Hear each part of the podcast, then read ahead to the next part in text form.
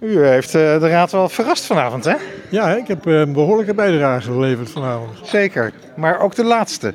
Oh, de laatste bijdrage. Ja, Ja. dat is waar. Daarom dacht ik ook, hij moet een onuitwisbare indruk maken. Dus Is dat gelukt? Ik denk het wel, ja. Ja. ja. ja, Want u gaat stoppen. Ik, eh, ja morgen ben ik gestopt. Ja, ja. En, en, en waarom is dat? Ik had eigenlijk al eerder willen stoppen, Ja. maar het kwam gewoon nog niet uit met de verkiezingen en zo. Eh, en eh, ja, eh, ons plan was eigenlijk dat ik zou blijven zitten totdat Sef was ingewerkt als commissielid. Maar ja, hij moest er plotseling opeens zelf ook al, dus De raad in. de raad in. Dus eh, nou is het uitrekenen wie, dan mij, eh, wie mij gaat opvolgen natuurlijk. En, en, en wat is de reden van het stoppen? Want u had het iets over jonge lui een kans geven. Nou, ik, ik vind gewoon dat eh, eh, op een gegeven moment moet een nieuwe generatie het overnemen.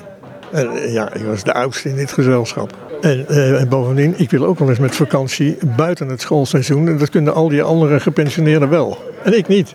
En nu wel. Ja. Dus ik blijf lopen nog eventjes fietsen repareren. En daarna ga ik met vakantie.